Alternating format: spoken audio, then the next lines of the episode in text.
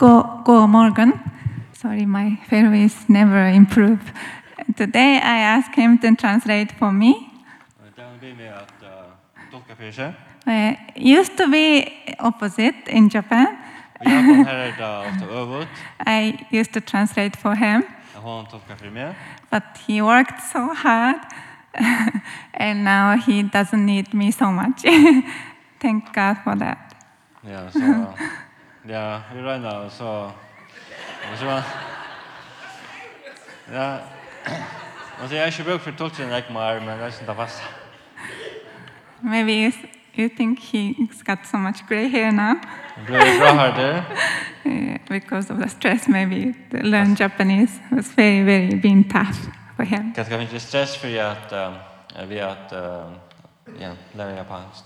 So, in the... Men det är nekringar än PhD. Ja. So I can just, know. just um, ask you to continue, please. Pray for his um, journey on learn Japanese. So, ja, be framhalde, han framhalde det fyrir to i feriene ved at lære japansk. Uh, it's very good to see you beautiful faces. Og det er deilig å tøtje dere vøkre anledd. Without uh, having masks. Utan at uh, bra maske. In Japan we still wear masks. Och Japan här är det öll en maske. I think also that we Japanese love wearing masks. Japanere tar fram väl att gänga maske. And many of my friends say like don't have when we wear masks you don't have to do anything makeup and things. Och sen vill jag sagt att att brukar masker så på man inte att pinta sig under masken. So it's convenient for women in Japan. Japan är det så convenient. Alltså det Det er lettere for det. Anyway, um, ja, vi måste. And it has it has been a, a great privilege to build relationship with mothers. Det er väl um, det är en framgångsratter att bygga alltså samfälliga vi kvinnor. Eh, mammer. So because of the covid uh, services uh, crossed down worldwide. På grund av covid så var var mötena lukka ner igen att vi. So we used to meet uh, online to worship. Och vi möttes online. But thankfully I could continue to study the Bible with the women. Men jag är glad för att jag kunde hålla fram vid att läsa böckerna samman vid timon. And uh, thankfully all together there are about five ladies. Och tillsammans är det fem kvinnor. And uh, three of them came to accept Jesus. Og tror ikke at han kom der og kjenne Kristus? And uh, that was a big highlight for me. Og det er største highlight for meg. But it was really interesting to see um,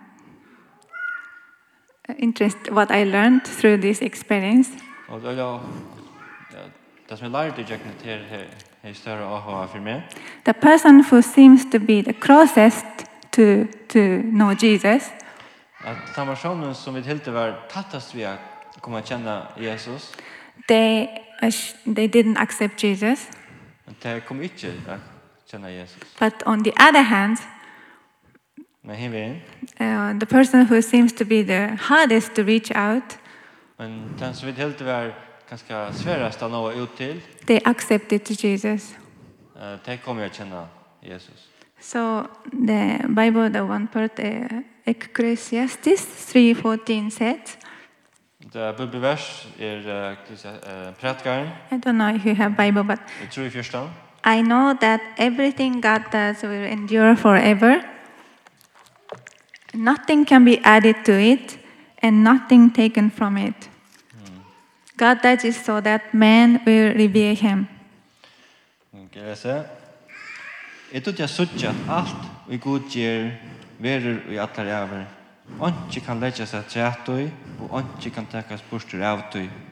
Og så hever Gud gjørst det, for at vi skulle øtast han. So God has been teaching me to surrender all to his plan, his time, his, um, his work. Det Gud har lært meg at uh, gjøre alt til han, til hans tøy og til hans verk. Maybe I can share one experience from my, yeah. Kanskje jeg kan uh, luta en oppleving. One of the lady who accepted Jesus, I met her about four years ago. Den ena kvinnan som kom att känna Jesus mötte henne först för fyra år sedan. And she showed me great interest to Christianity. Och ta vart hon och jag ahua och kristendomen. I was so excited because it doesn't often happen in Japan. Jag är spänd, det händer ju inte ofta i Japan. So I invited her to a Bible, a cafe, a cafe or some Bible study group. Vi bjöd henne vid till kafé och bibelbök. And she said, yes, I will come. Hon sa ja att hon kommer. But often on that same day she canceled to come. Men vanliga akkurat den dagen så avlyste hon. Except telling me many reasons. Oh, I got sick or my family is not well or something like that. Hon har alltid ankra grund att hon följt sig väl, ankra familjen var sjuk. Maybe sjuker. it happens like 10 or 12 times in run. Og det hendte akkurat 20 til 12 fer ute i slæ. I felt, or oh, maybe this is not right time. Så jeg følte til lendene at nå heter kanskje ikke det rette tidspunkt. So I have to give up on her. Så jeg akkurat måtte give up på henne.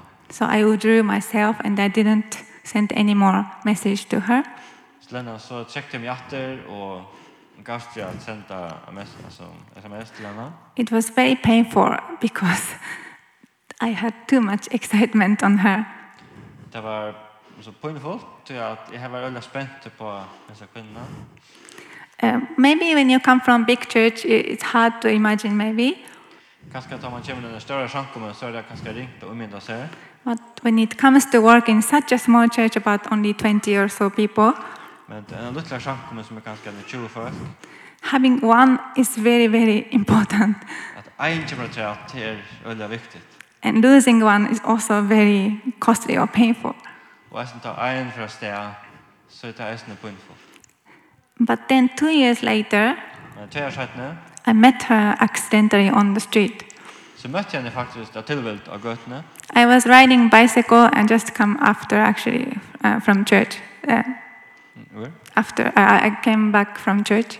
Eh cykla jag en affär och hem över samkomna.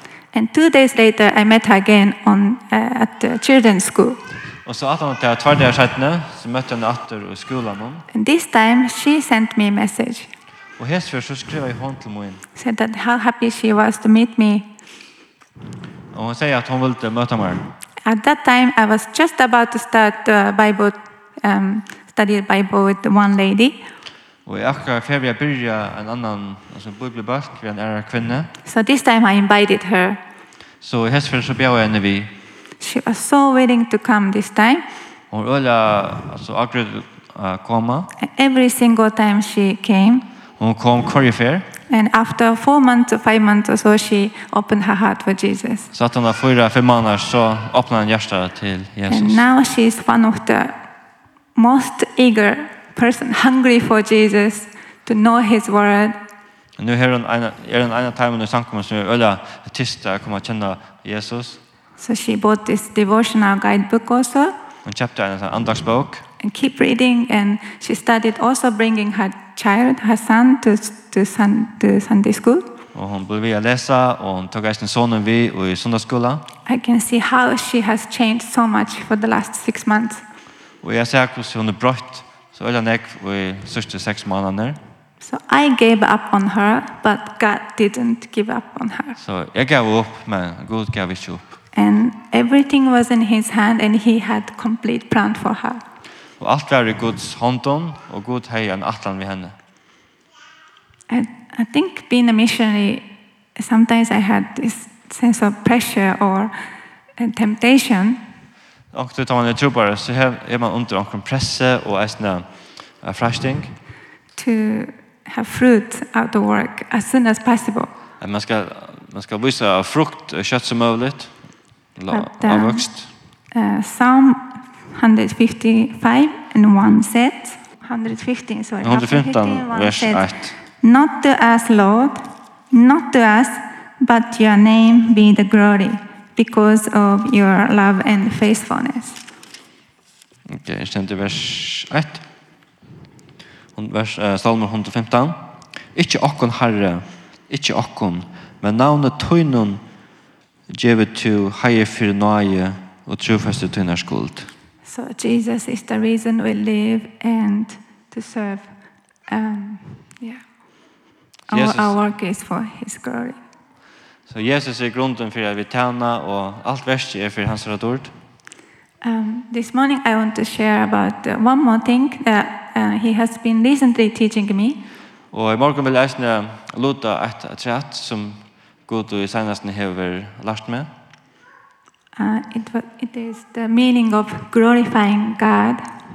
Det är katap betyr at gjøre god og dårlig. After this uh, um, mother's um, uh, studied with the uh, I'm sorry after these mothers accepted Jesus. Att när när kvinnan eh kom att känna Jesus. We continue our Bible study with them.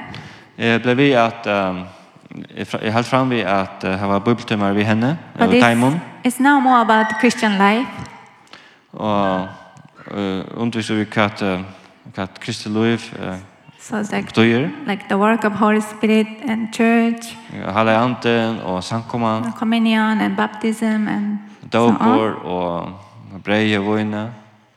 But one day it was the topic about glorifying God. Ena för hade vi ta ävna till att dörma ta god. And it the Bible was from um, 1 Corinthians 6:20. Och hade ett vers som var 4 Korint eh 6:20.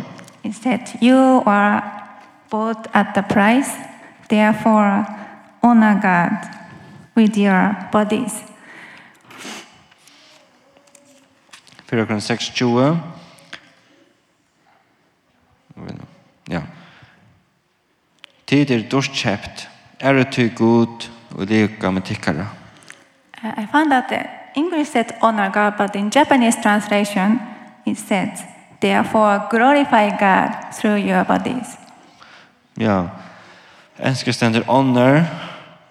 Japanska ständer durmöte god. Det är god dort vi likam tycker. And I could see the the response of these mothers. Vi jag såg hur så tara respons alltså alltså så här eller hur de reagerar. I can see suddenly they they felt like pressure. Och det följde bara vi alltså trust. Is it possible to glorify God? Er det möjligt att durmeta god? Because until that moment they all hear about how Jesus took their sins and burden. Så det hadde bare hørt om hvordan god eller hvordan Jesus tek deres synd. But once Christian life starts, now you have to glorify God.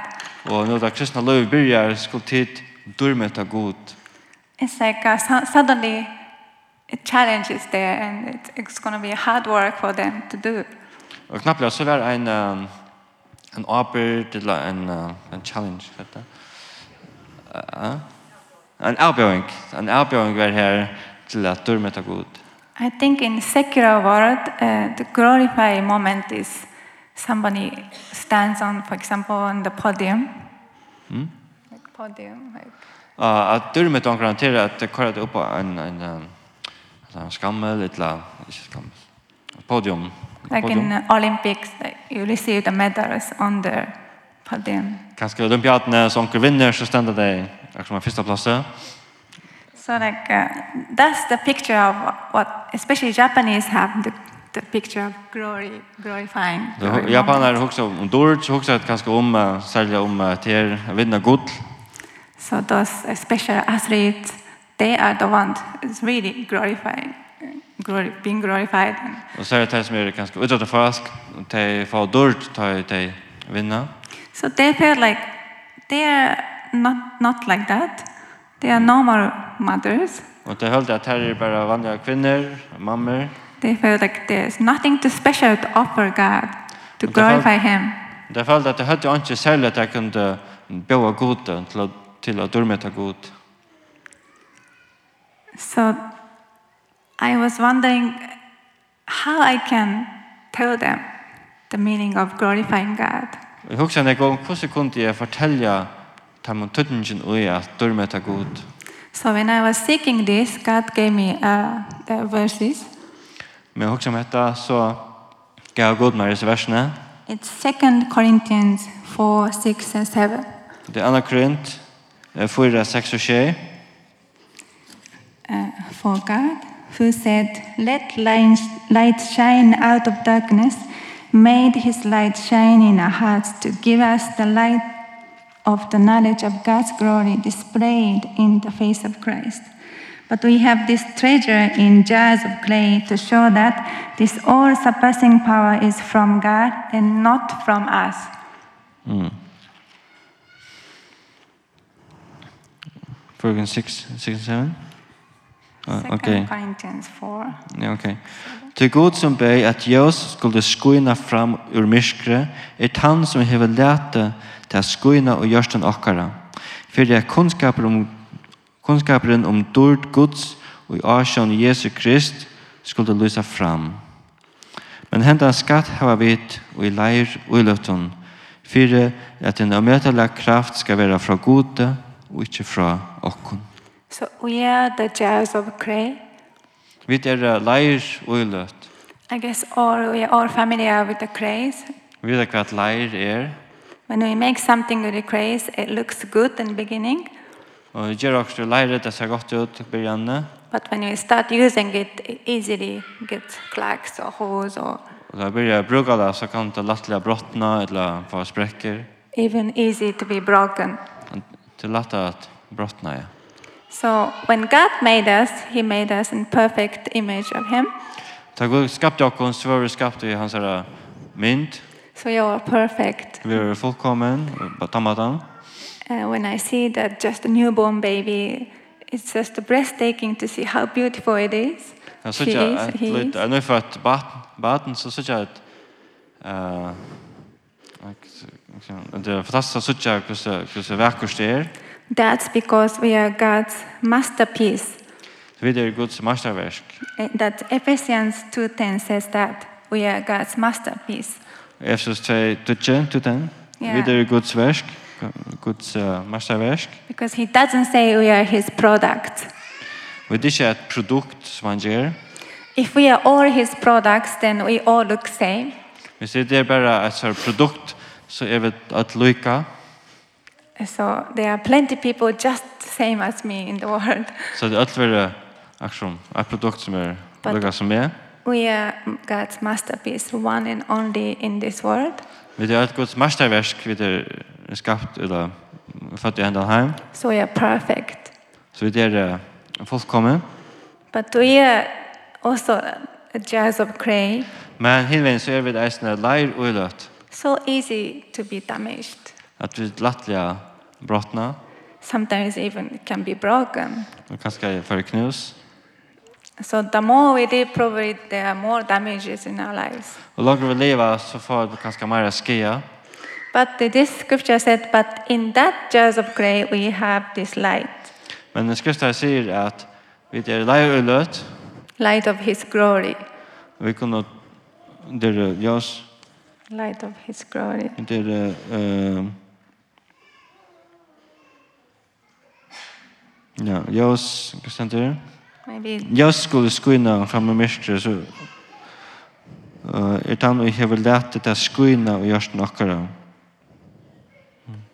Yeah, so you can imagine the jars of a clay that is perfect without any clacks. Vi kan kanskje umynda okkon at leirrelat som er utan nekka sprekker. The light can only shine through the top, from the top. Og ljósa kommer bara upp ur toppen hon. But if you have damages in that, there's holes and uh, cracks and... Men at Lyril, som har sprekker, ljóset kommer eisen ut i jakna sprekkene. Actually, his light shines through there also. Ljóset screener eisen tannveien. Not just from the top, but through everywhere to everywhere. Ljóset screener ikke bare toppen hon, men eisen jakna sprekkene.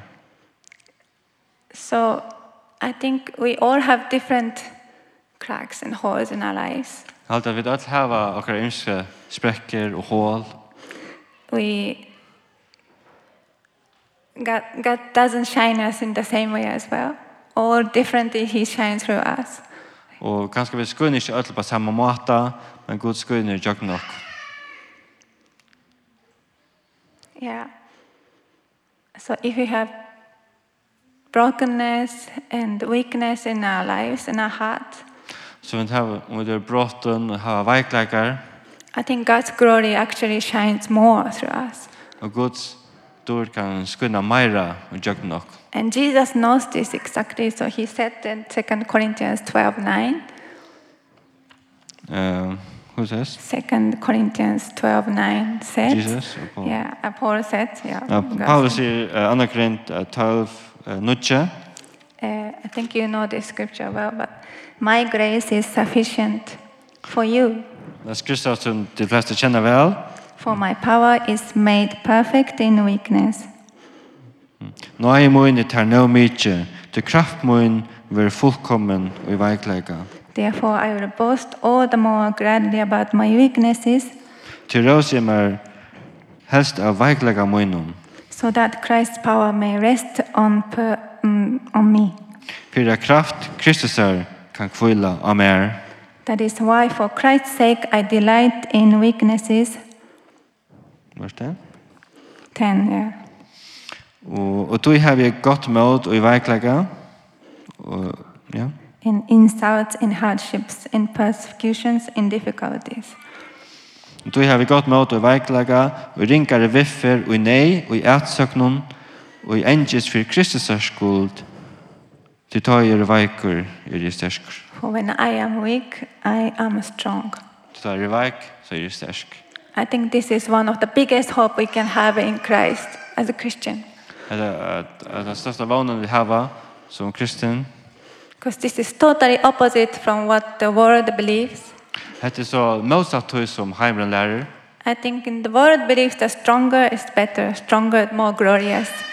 Och lærer at at som er starkare er bedre. But Jesus shows us opposite. Jesus shows opposite picture. Jesus han visar det motsatte. On the cross it was the lowest point. Across någon det var det lagsta punkten. He was there alone. Han var her ensam atler.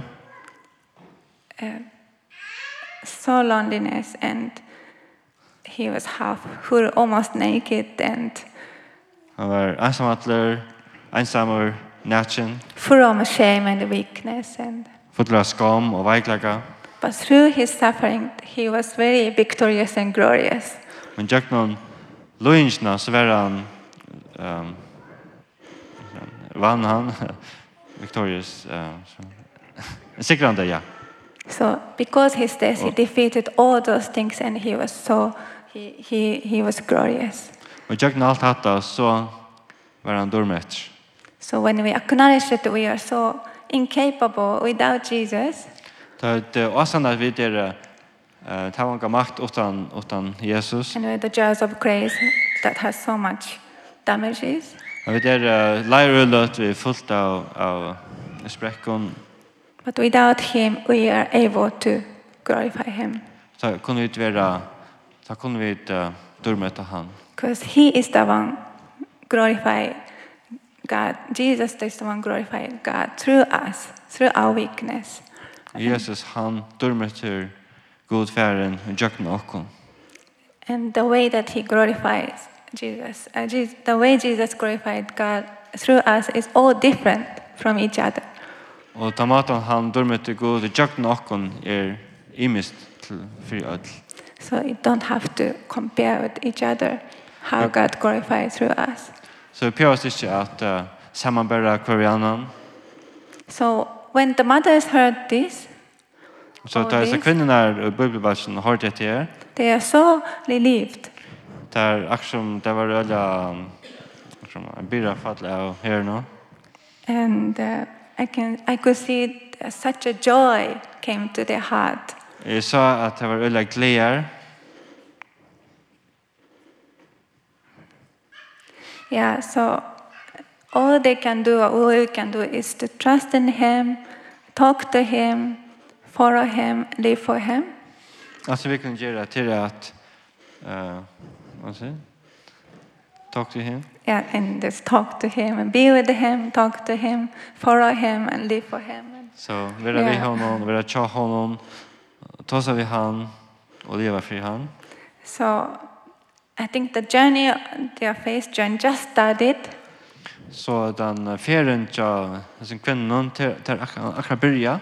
And I'd like you to also remember these new believers in Japan. Och jag typ kunde vinnas till så mycket tryggvande i Japan. Once they come to faith, they now have to start facing another challenges. Nu där kommer till trygg så har det är där avgöringar because they are the only believers in their family. Så det är det enaste tryggvande i deras familie. Uh, they have to now struggle how they can continue their walk with Jesus. Og det er stress vi, eller hukse om hvordan de kunne holde av fram ved å følge Jesus. To come to Sunday morning service is a huge uh, harder for them. Jeg kommer og møte søndag morgen til er til en avbjøring. And uh, they cannot leave children, a husband behind, they just come to church, it's very difficult for them. Det är inte lätt att komma och möte och så låta mannen och barnen vara hemma.